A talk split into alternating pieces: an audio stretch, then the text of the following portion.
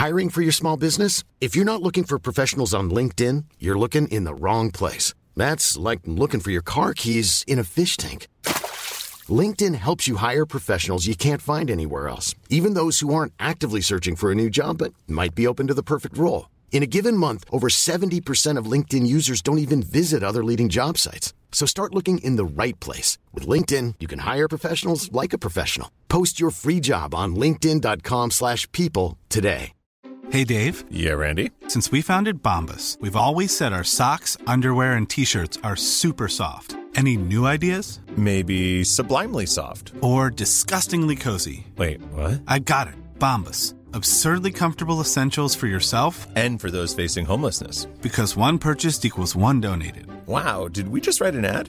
Yes. Bombas. Big comfort for everyone. Go to bombas.com slash ACAST and use code ACAST for 20% off your first purchase. There's never been a faster or easier way to start your weight loss journey than with PlushCare. PlushCare accepts most insurance plans and gives you online access to board-certified physicians who can prescribe FDA-approved weight loss medications like Wigovi and Zepbound for those who qualify. Take charge of your health and speak with a board-certified physician about a weight loss plan that's right for you. Get started today at plushcare.com slash weight loss. That's plushcare.com slash weight loss. plushcare.com slash weight loss.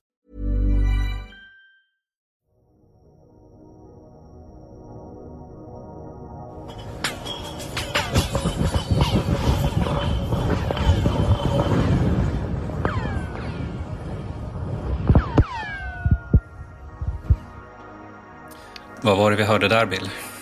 Det lät, det lät ju jätteudda. Det lät som en blandning av en, en typ flaggstång och en, eh, ja men någonting i Star Wars. Exakt, eh, eh, tankarna går ju till Star Wars. Det är lätt att tro att det var ett par stormtroopers som pepprade med dålig aim i någon Star Wars-film. Men det var det ju såklart inte. Eh, ljudet vi hörde kommer från jorden. Eh, det är så här det låter när man släpper en isbit i ett jättedjupt hål som har borrats i Antarktis.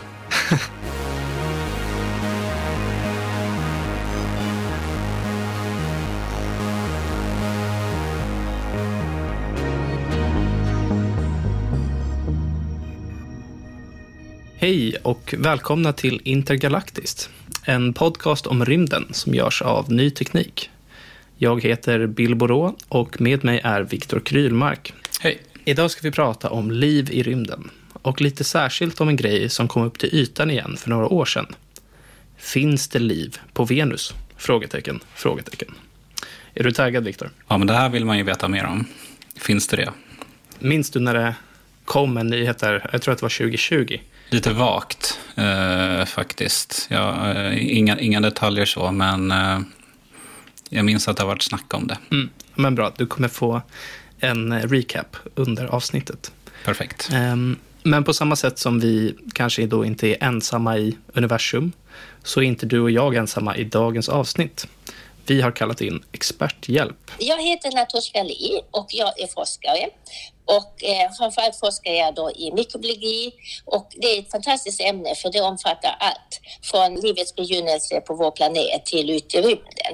Så som mikrober i alla möjliga, omöjliga och möjliga ekosystem och till och med vilka möjligheter finns det att hitta liv ute i rymden. Och det är senare ett forskningsområde som då kallas för astrobiologi eller rymdbiologi på svenska.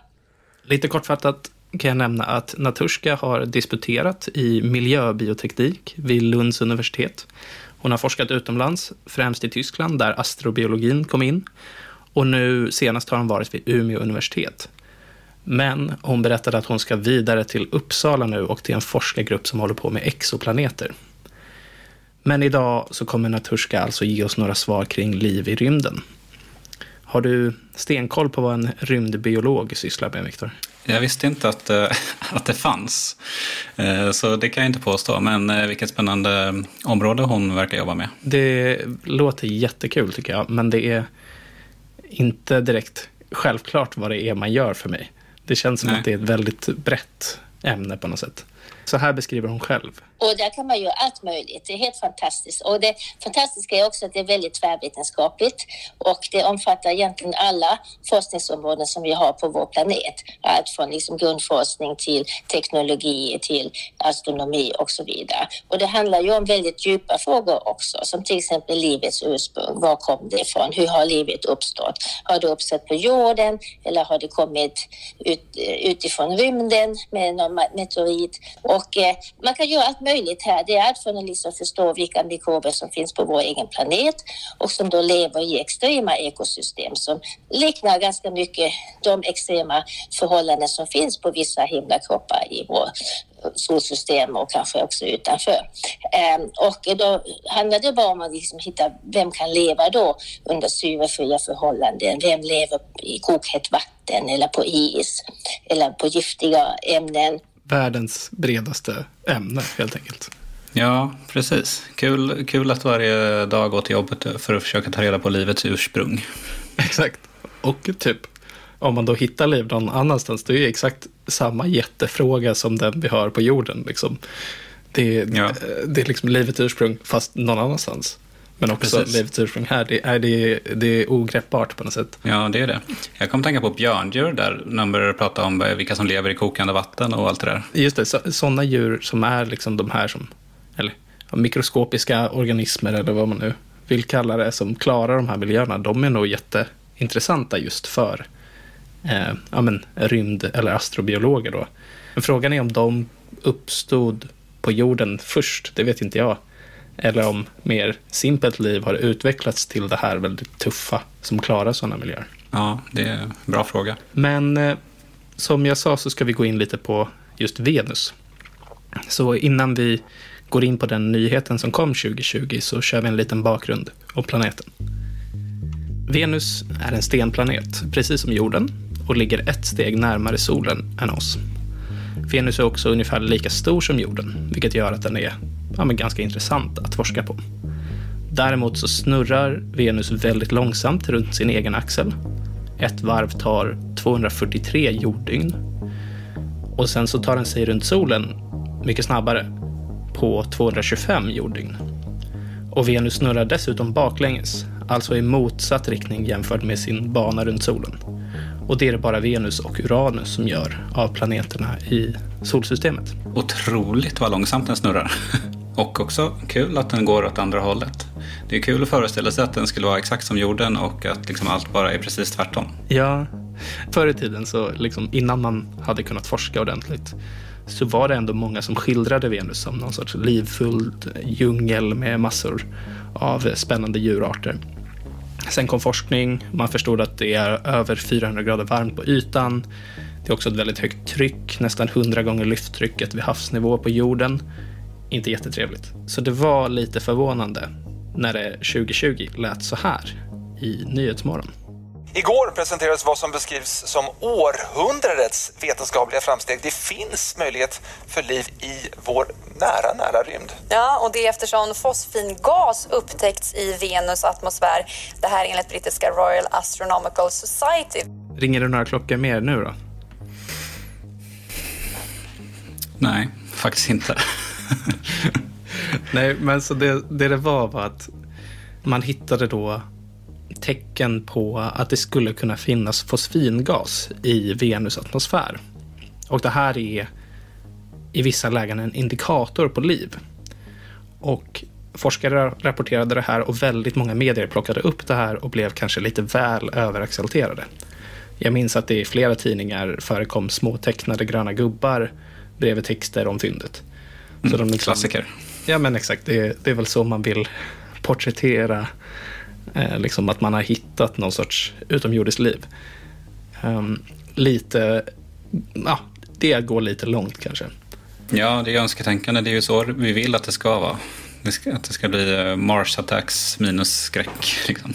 Ja, exakt. Kanske bara att Mars Attacks, fast de är kvar på Mars.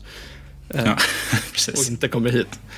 Men eh, det här sa eh, Naturska om upptäckten. Ja, alltså, eh, det finns jättemånga aspekter här från det. Och det här är ett ut, utmärkt pedagogiskt exempel på vissa hur vi hanterar bristfällig, bristfällig kunskap och, förstå, och också att man i media alltid vill förenkla saker.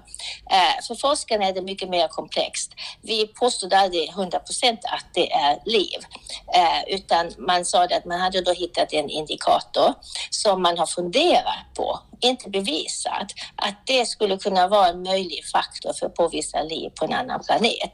Och då, då ska man tänka på att vi har ju två möjligheter att liksom försöka påvisa om det finns liv någon annanstans. Det ena är att åka dit och ta prover, då är det mycket lättare. Och, det, och, och om man inte kan åka dit, ja men då måste man förlita sig på andra metoder. Och då brukar det vara olika eh, tekniska eh, metoder som bygger på spektroskopi och sånt där man mäter då på lång distans olika kemiska komponenter. Det är ju vår viktigaste metod metod. Och med det kan man då påvisa vatten, syre och andra saker. Och sen också gaser förstås. Och där, där finns en hel rad komponenter som, som skulle kunna fungera som eh, indikatorer på liv. Och fosfin är bara en av flera andra. Och fosfinet, det är lite speciellt med det därför att eh, man säger att det kan inte bildas under biologiska betingelser under vissa fysikaliska betingelser. Eh, och tyvärr är det så att media har förenklat det väldigt mycket därför att fosfin kan faktiskt bildas under abiotiska betingelser, alltså icke-biologiska betingelser. Men då måste det vara väldigt hög temperatur och andra eh, extrema fysikaliska betingelser. Vi kan till exempel faktiskt hitta fosfin på Jupiter, till exempel i vårt eget solsystem. Så det är ju inget, och det, det, det är ingen som diskuterar, åh, vi har hittat liv på Jupiter. Va? Så synd om, om forskarna. De typ så här, sitter i sin kontrollerade miljö, tar reda på så här, shit, vi har hittat en indikation på att det kan finnas liv på Venus. Så skickar de ut typ ett pressmeddelande som når en halvtrött nyhetschef på typ, inte vet jag, Expressen. Som typ så här, kanske läser lite högt på redaktionen. Bara, ja, men de, de, de kanske har hittat liv på Venus, vilket landar hos någon annan som är lite så här trigger happy. Bara, Va? Har de hittat liv på Venus? Bara, ja, men det står här. Det är indikationer. Fram med de gröna gubbarna! det, det, är faktiskt precis eh, så jag tänker mig att det går till också. Och Natushka beskrev det medan vi pratade som viskleken. Liksom. Hur media, liksom, ja, men någon säger till någon som säger till någon och så bara förvrängs det jättemycket. Ja. Så jag tycker det var en bra liten pjäs du satte upp där. Ja. Eh, Varsågod. Så det hon säger då är ju att det finns processer då fosfin kanske uppstår biologiskt. Men det finns också processer då det kan uppstå av helt andra anledningar. Exakt vad vet man inte. Så det är väldigt hårdraget att gå direkt på liksom stora trumman. Man kanske ska vara lite skeptisk när det kommer sådana nyheter. Men om vi kollar vidare då. Tror du att det är lätt eller svårt att hitta liv? Eh, ja, svårt. Men vi lyssnar lite mer på Naturska. Och det är ganska svårt. Eh, och, eh, för vi har inte ens en riktigt bra databas för vår egen planet. Och faktum är att vi har egentligen bara utforskat en väldigt liten del av vår egen planet. Eh, så man brukar säga att liksom av mikroberna så har, har vi kanske bara utforskat en procent. Vi har utforskat lite mer av komplexa livsformer, men även där har man ju till eh, postulerat att om vi skulle kartlägga allt liv på vår egen planet, liksom komplexa livsformer, växter, djur, svampar och så vidare, då skulle det ta nästan 400 år. Mm. Och för bakterierna skulle det ta 16 000 år. Så ja, uppgiften att hitta liv i universum känns så svår när vi har så dålig koll på vår egen planet. För 400 år för att kartlägga alla större livsformer. Det känns ju som att det är något vi redan borde ha lyckats göra. Ja, alltså precis. Varför började de inte med det här för 400 år sedan, undrar jag. Men man kanske gjorde det, men då fanns det ju andra djurarter också. Det, det dör ju och kommer nya. Och ja. Man vet ju inte riktigt, förstår väl inte hur alla processer och så fungerar. Um, och det här är ju också ett jätteproblem när man ska ut och leta efter liv i universum. För vad är det för liv man letar efter? Om vi är för trångsynta och bara tänker att ja, det ska se ut precis som på jorden, då kanske vi missar helt självklara andra sorters liv som vi bara inte känner till. Så jag fick faktiskt ett ganska roligt exempel här från Naturska. Nu har jag byggt upp att det här ska vara kul, så nu nu måste vi skratta sen. Jag förväntar mig ett LOL. Eh, Jag brukar ta upp det här exemplet. Det är som att åka till Sydamerika och förvänta sig att hitta där en Anders Svensson. Eh, och det, är klart, att ingen kommer hitta Anders Svensson där, men det finns ju ändå människor där. Så vi måste liksom tänka mycket bredare än vad vi har gjort hittills. Vad tror du, kan man hitta Taco Anders i Sydamerika? Det var den Anders Svensson de menade, eller? Nej, det tror jag inte. Men det gör det ju lite roligare om det... Ja. Är han någonstans så är han väl där. Det kanske är det. Det kanske är helt, helt fel sorts metafor att använda. Ja. Men det var kul. Så om livet inte liknar det vi har på jorden så är det ju också väldigt svårt att veta vad vi ska leta efter och vad vi kommer hitta. Eh, och på liknande vis måste det också ske vid rätt tidpunkt. Tänk om liv inte har uppstått än på en planet. Vi kanske ja, men ser att det här är en vattenfylld värld, men ja, det har bara inte börjat några sådana processer. Livet kanske har dött ut. Då ska vi ju leta efter fossiler eller rester av biokemiska komponenter istället. Så det är inte så lätt som att... Ja, men, man måste ju verkligen ha lite flyt med det här. Låter ju så. Men eh, tillbaka till 2020 och fosfinet. Har forskningen fortsatt och vad har man kommit fram till? vad vi vet från vår egen planet. Vi kan också hitta fosfin i, i, på vår, i, i, i, på vår egen planet. Men eh, här på vår egen planet så vet vi att, eller vi antar att det förmodligen bara kan bildas av vissa mikrober som lever i syrefria miljöer.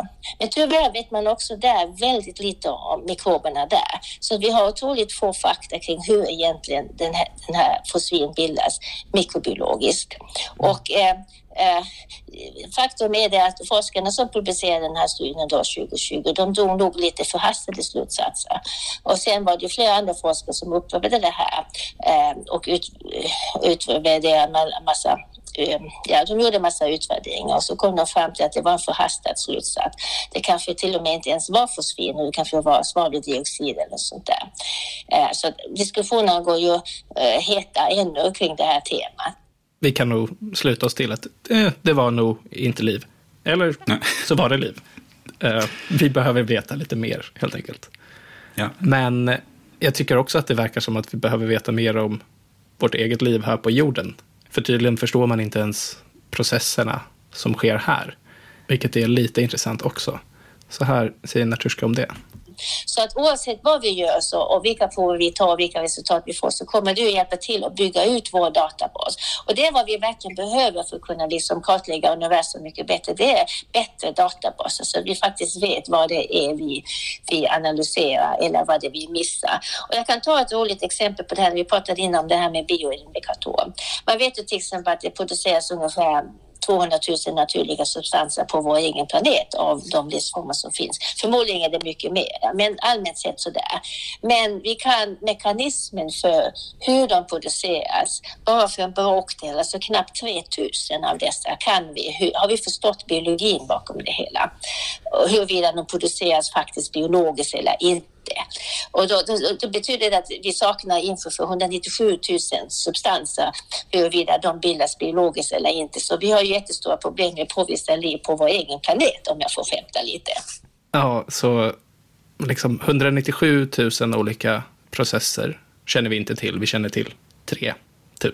Diffar lite. Exakt, det, det, det känns som ett helt omöjligt liksom, uppdrag på något sätt att kunna då kolla på avstånd, vilket det oftast är, på en planet eller en exoplanet. Och visst, man kanske ser att ja, men här finns det en indikator för någonting. Men vi har absolut ingen aning om vad som kan ha skapat den. Liksom. Då ska man ha flyt att det är just samma sorts liv som vi känner till och som vi vet hur det fungerar. Mm. Men eh, om vi kollar då på det här andra alternativet, om det inte är på avstånd utan om vi faktiskt är på plats. Typ att vi har instrumenter på andra planeter som Mars. Perseverance är ju där. Ja. Kan inte de hitta liv då? Vi har lite svårigheter där också, visar det sig. även där är vi inte säkra på om det är 100 procent. För att den, eh, ibland måste man gå väldigt djupt ner i marken för att hitta någonting. Och, och dessutom måste ta otroligt mycket prover. Det är till och med så att på vår egen planet, om vi ska ta prover från väldigt näringsfattiga eh, eh, ja, akvatiska områden, då kan man behöva kanske flera tiotals liter, hundra liter och sånt där. Och ingen av de här sonderna processar så många prover. Så nej, eh, man ska ha lite flit där med. Det, det, jag tycker att det låter lite deppigt. Liksom. Man har ju varit lite hoppfull ändå när vi har haft så... Hur många rovers har vi där uppe nu? Är det två eller tre? På Mars oh, alltså? Jag vet inte. Det är väl... NASA har väl Perseverance och Curiosity va? Ja. Och sen har vi en liten helikopter som åker runt, eh, Ingenuity ja. kanske. Och sen har ju Kina en rover också. Har de? Jag tror till och med vi har skrivit lite om den. Jag har för mig att den stod still ganska länge nyligen. Jag vet inte mm. om det var med flit eller om den har tappat kontakten. I alla fall, svårt att hitta liv. Om det inte är de här gröna gubbarna då, som flyger förbi och vinkar. Exakt. Men vi letar ju ändå. Vi ska ju försöka hitta det här. Det är ju ett stort mål för väldigt många forskare. Så om vi hoppar tillbaka till Venus så kan vi kanske gå in lite på planerade expeditioner dit. Det hade mm. du kollat lite på. Ja, ja, precis. Jag har ju faktiskt det. Det är ett, ett helt gäng som är på gång. Eh, jag ska dra några stycken lite snabbt där först. Eh, vi har Da Vinci Plus som är ett NASA-projekt som ska upp 2029. Eh, vi har Veritas som också är ett NASA-projekt som ska upp 2031. Och så har vi Envision som är ett ESA-projekt som ska upp 2032. Så det är, är, tre stycken. Sen så har vi också ett som kallas för, lite osäker på hur det uttalas, men eh, jag säger foton. Jag antar att det heter typ Photon kanske, stavas P-H-O-T-O-N. Eh, och det som är intressant med det är att det är den första liksom, privata expeditionen till Venus. Eh, vi har skrivit en del om den på, på Ny Teknik. Och det är vad heter det? Rocket Labs som ligger bakom den. Men apropå det jag pratade om lite, att man måste ha tur så måste den här ha extrem tur för att den har bara fem minuter på sig att se om det finns liv på Venus. Okej, okay, och sen typ kraschar den in i planeten eller något? Ja, jag tror att den... In, ja, exakt. Eller det är också det är, ja, det är varmt, det är högt tryck. Vi har väl inte jättebra teknik för det där, så om man har tagit sig dit och ska in och leta liv så går ja. det väl snabbt innan man... Sen är man körd. Precis, så det är någon sorts engångspryl som man har hemma som, mm. som man bara så här använder och sen kastar. Exakt. Men eh, vi hoppas att, eh, att den har tur såklart. Ja, självklart. Sen så har jag kikat lite ytterligare på ett exempel som är kul för att där finns det med eh, svensk teknik. Då är det då nästa år som är planerat för den indiska rymdorganisationen ISRO som ska skicka upp en satellit till omloppsbana runt Venus.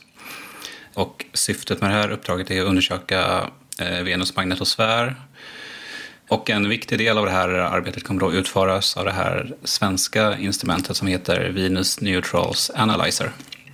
Uppskjutningen av satelliten som heter Shukrayan 1 eh, är planerad då till december 2024 och resan till Venus tar sex månader. Och väl där så är det tänkt att den ska hänga runt i omloppsbana i ett år. Ja. Jag vill bara kommentera på att det, ja. du, du tvekade mycket mer på att säga foton än att säga shukrayan. det är ändå internationell. Man är väl internationell, ja precis. Ja. Jag hade övat lite på shukrayan, ska jag erkänna. Men eh, ett mål med det här uppdraget är också att förstå varför jorden och Venus har utvecklats så olika över tid eftersom, så som du sa förut, det är ganska lika planeter. Och bortsett från att de snurrar åt olika håll och eh, snurrar olika, olika snabbt och så mm, vidare. Mm, mm. Men det här eh, svenska instrumentet då, ja det är utvecklat av eh, Institutet för rymdfysik och är en del av ett större eh, instrumentpaket ombord. Så att det är inte bara det här svenska paketet, utan, mm. eller svenska instrumentet, utan det är ju massa olika instrument med. Eh, dock ska sägas att det här instrumentet som eh, ska med, VNA som vi kallar det nu, Eh, det byggs i Indien men det är liksom en exakt kopia av det som IRF har utvecklat för ESA. Ja, okej. Okay. Så det är något som man har liksom testat tidigare eh, via ESA då? Och sen... Exakt. Det här instrumentet ska hur som helst fördjupa våra kunskaper om Venus atmosfär. och dess växelverkan med solvinden. Det har vi pratat om lite tidigare i Jupiter-avsnittet, att förstå just hur magnetosfärer fungerar. Det är Ja. ju bra för liksom, forskning om liv också, eftersom att magnetosfären skyddar ju eh, från solvinden som kan vara problematisk och från liksom, ja, men, olika sorters högenergetisk strålning som kommer. Så det är ju bra att ha koll på hur den fungerar. Det är starkt eh, lyssningstips. Eh, Jupiter-avsnittet som var det förrförra avsnittet. Det håller jag med om.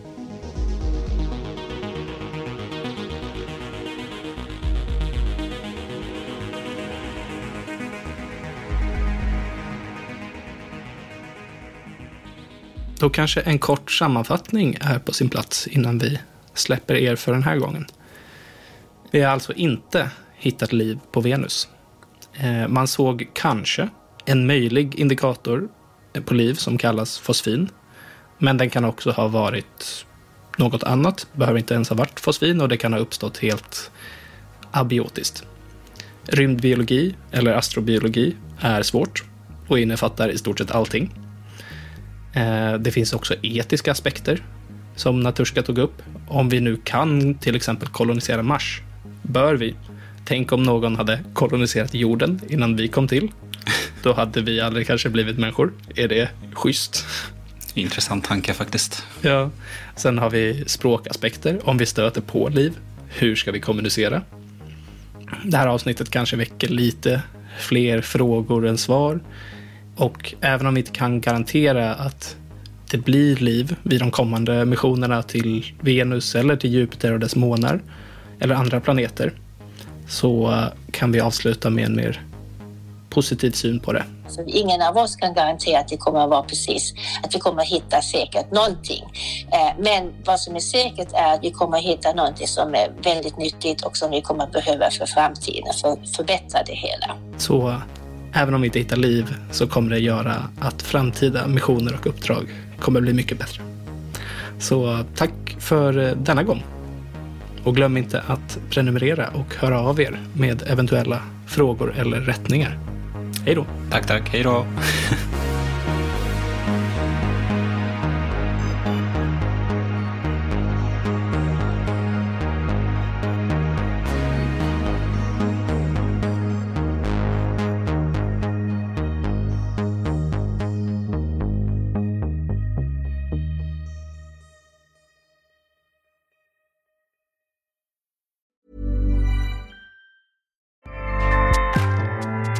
ACAST powers the world's best podcasts. Here's a show that we recommend. Hi, I'm Megan Rinks. And I'm Melissa D. Montz. And like every other person with access to a microphone, we started a podcast. On Mondays, we release Don't Blame Me, which is an advice podcast where listeners call in and we share our thoughts on situations such as what to do if you're going to your boyfriend's family function and you haven't told him that you previously slept with both as twin brothers. Then on Thursdays, we release our podcast, But Am I Wrong, where we ethically gossip about pop culture, politics, our lives, and your lives. Listeners write in and we tell them if they're wrong or right in a situation. Are you the hero or the villain? On Tuesdays and Fridays, we throw in a little something extra as well. Well, something, something. We strive to create a community grounded in activism, mental health, and inclusivity. Think of us as like your blunt, honest friends who give you advice that you need to hear, not what you want to hear. But we're also always rooting for your success. What we lack in credentials, we make up for in Opinions. We do that in every episode too. We're professional, and unprofessional. So if you're looking for a new slate of podcasts to add to your routine, we're here for you. ACAST, ACAST, recommends. ACAST helps creators launch, grow, and monetize their podcasts everywhere. ACAST.com.